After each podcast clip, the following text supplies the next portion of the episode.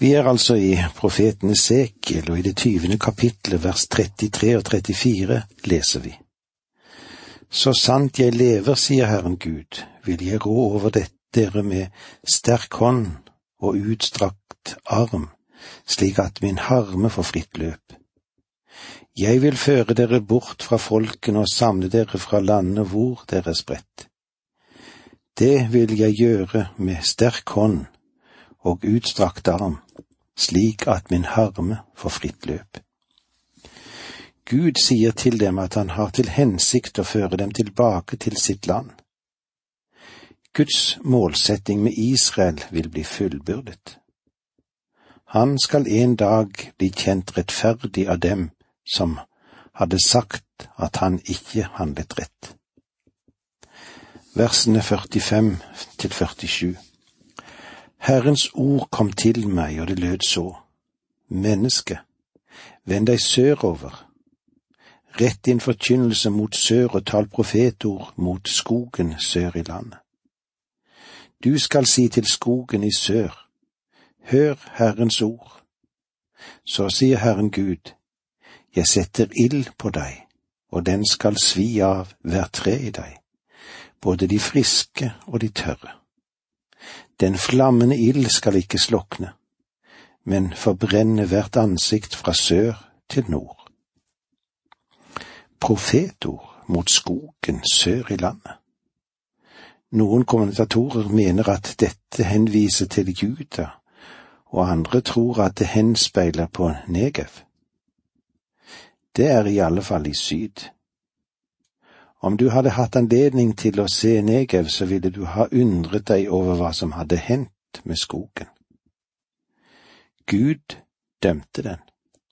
Han sa at han ville fjerne den. Landet var en gang fylt av melk og honning, men den konklusjonen kan du ikke trekke når du ser på dette området i dag.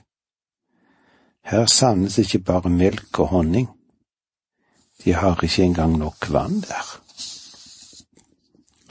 Dette er en profeti som er verd å merke seg.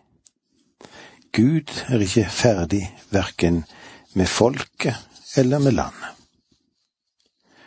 Og nå går vi videre til kapittel 21. Kongen av Babylon skal fjerne denne siste konge av Davids linje til Messias kommer. Det er viktig å studere Esekiel-boken fordi den så ofte overses og dens budskap, den er betydningsfull for den tid som vi lever i. Selv om profetien i Esekel ble uttalt for mange år siden, så var det Guds ord, og det er Guds ord. Slik han til stadighet gjentar det. Hør, Herrens ord kom til meg, og det lød så. Siden dette er Guds ord, så har det også en tillempning eller tilpasning for oss. Mange sier at på samme måte som med åpenbaringsboken, så er det umulig å forstå Esekiels bok, og den har ikke noe budskap til oss. Esekiel-boken er preget av veldige syner, og jeg påstår ikke at jeg har det siste ord når det gjelder tolkningen, men foran denne boken står jeg i ærefrykt. Ja, ikke bare i ærefrykt, jeg står i undring. Men i denne delen av boken rører vi òg ved det høyest forståelige ting. Og jeg er ærlig når jeg sier at Esekiel er ikke så vanskelig å forstå i denne sammenheng, og han er meget praktisk. Kanskje vi kan si det slik at kapittel 21 er et av de viktigste kapitlene i hele Esekiels bok, der han beskriver at kongen av Babylon skal fjerne den siste konge fra Davids linje helt til Messias kommer. I det første verset her i kapittel 21 Herrens ord kom til meg, og det lød så. Esekiel vil gjenta dette tre ganger i dette kapitlet vi har foran oss. Og det finnes bare et alternativ for deg Enten er du enig i at Herren sa dette, eller så har du den innstillingen at Esekiel lyver. Jeg tror at Herren sa dette til ham, og at Esekiel ikke fremmer sine egne synspunkter. Jeg tror ikke at Esekiels egne følelser grep inn i dette budskapet særlig mye. Jeremia, han var overveldet av sine følelser, og det farget hvert ord som han forkynte. Jeg tror ikke det er det samme med Esekiel. I begynnelsen av sine tjenesteår, da Gud ga ham det oppdraget, sa han til Esekiel at han skulle tale til et opprørsk og gjenstridig folk. Gud sa også at han ville gjøre Esekiels panne hardere enn deres. Og kanskje noe av denne hardheten også finner veien til hans hjerte og derfor kunne han også formulere seg med bestemthet over folket. Og jeg må si at jeg ærer ham for dette, for om følelsen hans hadde tatt overhånd, så ville han ha blitt knust av det budskapet han måtte gå med, og det kunne ha påvirket det klare ord som han skulle forkynne for folket. Vers to og tre, kapittel 21. Menneske, vend deg mot Jerusalem, forkynn mot helligdommen og tal profetord mot Israels land. Du skal si til Israels land, så sier Herren, se, jeg kommer over deg. Jeg drar mitt sverd fra sliren og utrydder både rettferdig og ugudelig hos deg. Dommen nærmer seg, og det virker som det nå er uunngåelig. Fram til dette tidspunkt har Gud villet forkynne sin nåde for folket. Men nå, nå kommer dommen, og det vil ikke være noe alternativ. Så sier Herren, Se, jeg kommer over deg. Dette er første gang han har sagt det om Jerusalem. Jeg utrydder både rettferdige og ugudelige hos deg. Dette lyder noe merkelig, ikke sant? Hvem er de rettferdige? De som selv påstår at de er rettferdige. I våre dager kan de sammenlignes med mennesker som mener de er svært så religiøse, men ikke har funnet frelse. Mange mennesker gjør en førstehjelpsoperasjon og legger et bind over syndens sår, men får det aldri helt renset ut. Gjør de ikke det, vil såret ta livet av dem. Gud sa, nå skjærer jeg det av. Jeg fjerner det med sverd, og jeg har til hensikt å ødelegge byen. Vers fire Fordi jeg vil utrydde rettferdig og ugudelig hos deg, skal mitt sverd fare ut av sliren mot hver skapning, fra sør til nord. Dette blir et totalinngrep som kommer til å omfatte hele landet. Vers fem Alle som lever skal sanne at jeg, Herren, har dratt av sverdet fra sliren, og det skal ikke vende tilbake til den.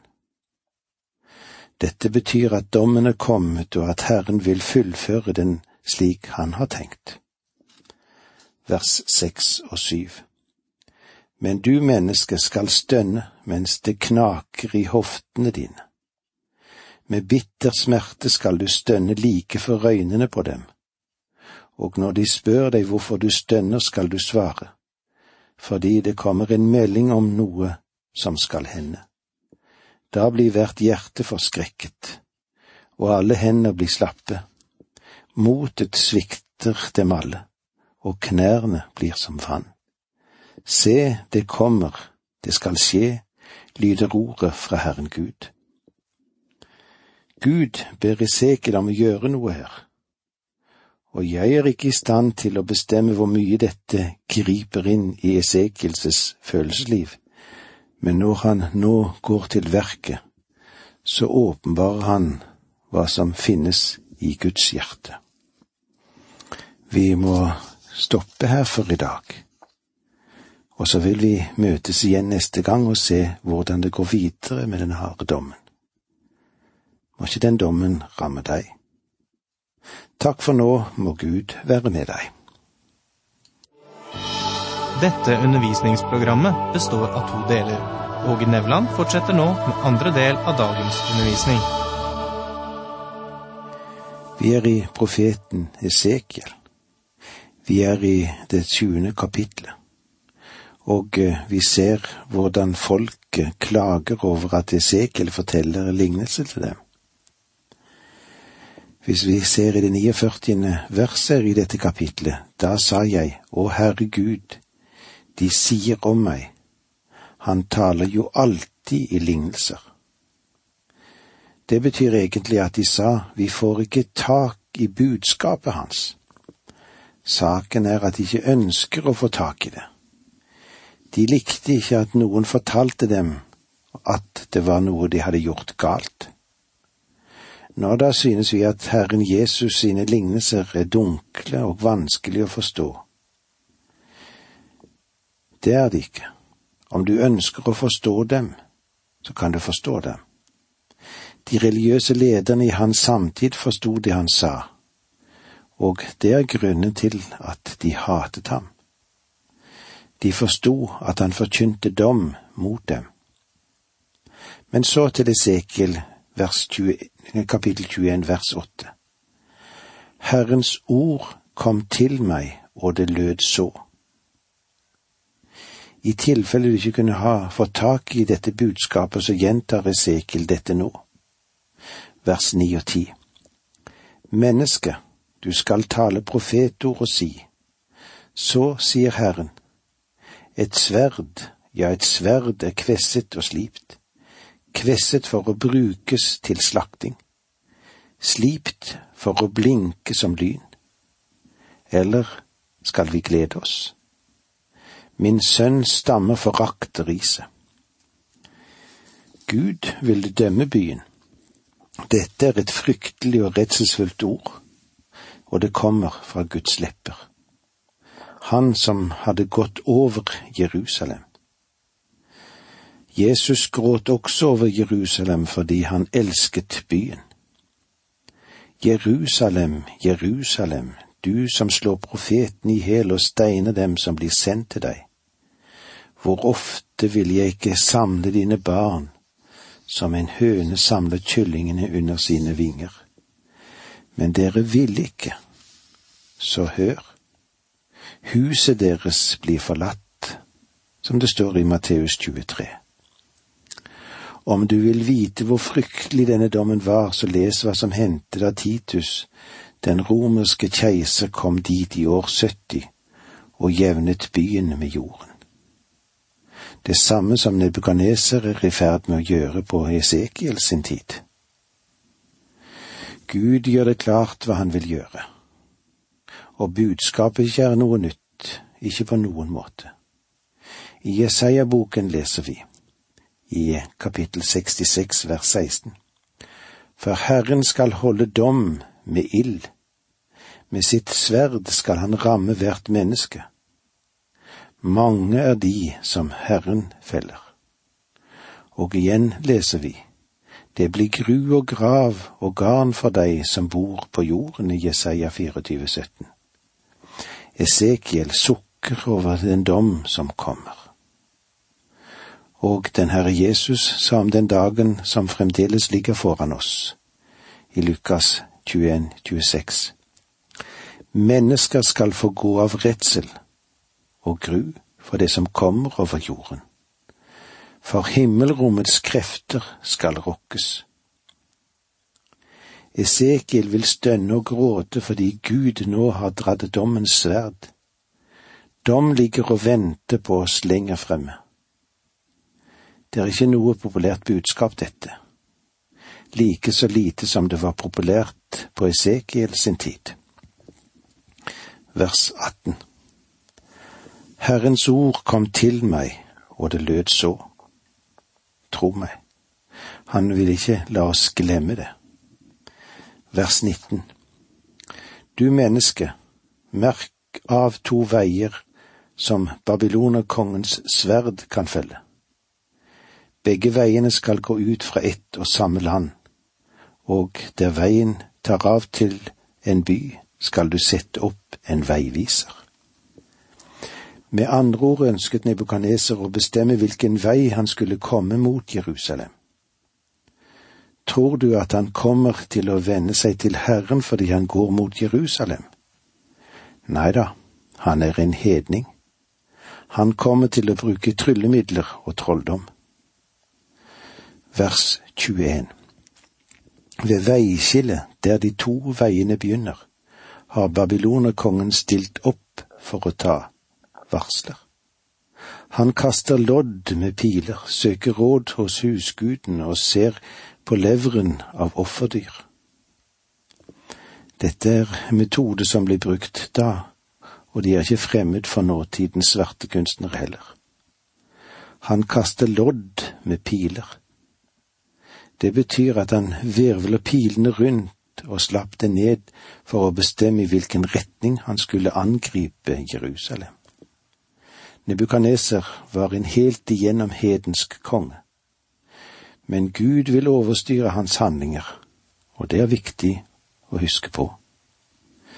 Vers 25 Og du gudløse ugjerningsmann, Israels fyrste, tiden er kommet da du skal få din endelige straff.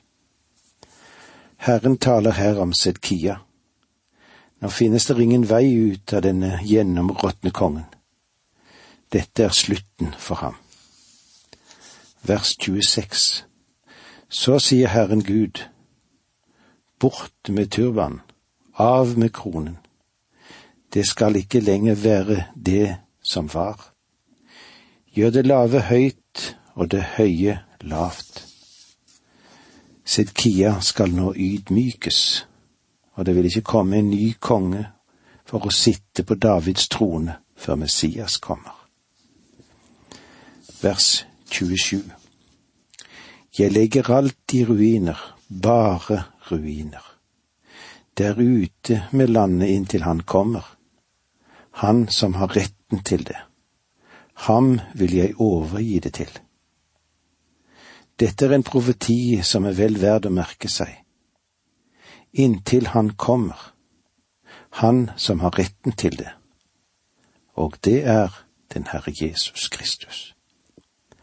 Fra Sidkia til den Herre Jesus har det ikke vært noen av Davids ett som har sittet på den tronen. Esekiel sier at ingen vil kunne gjøre det. Jesus er den eneste som har retten til det.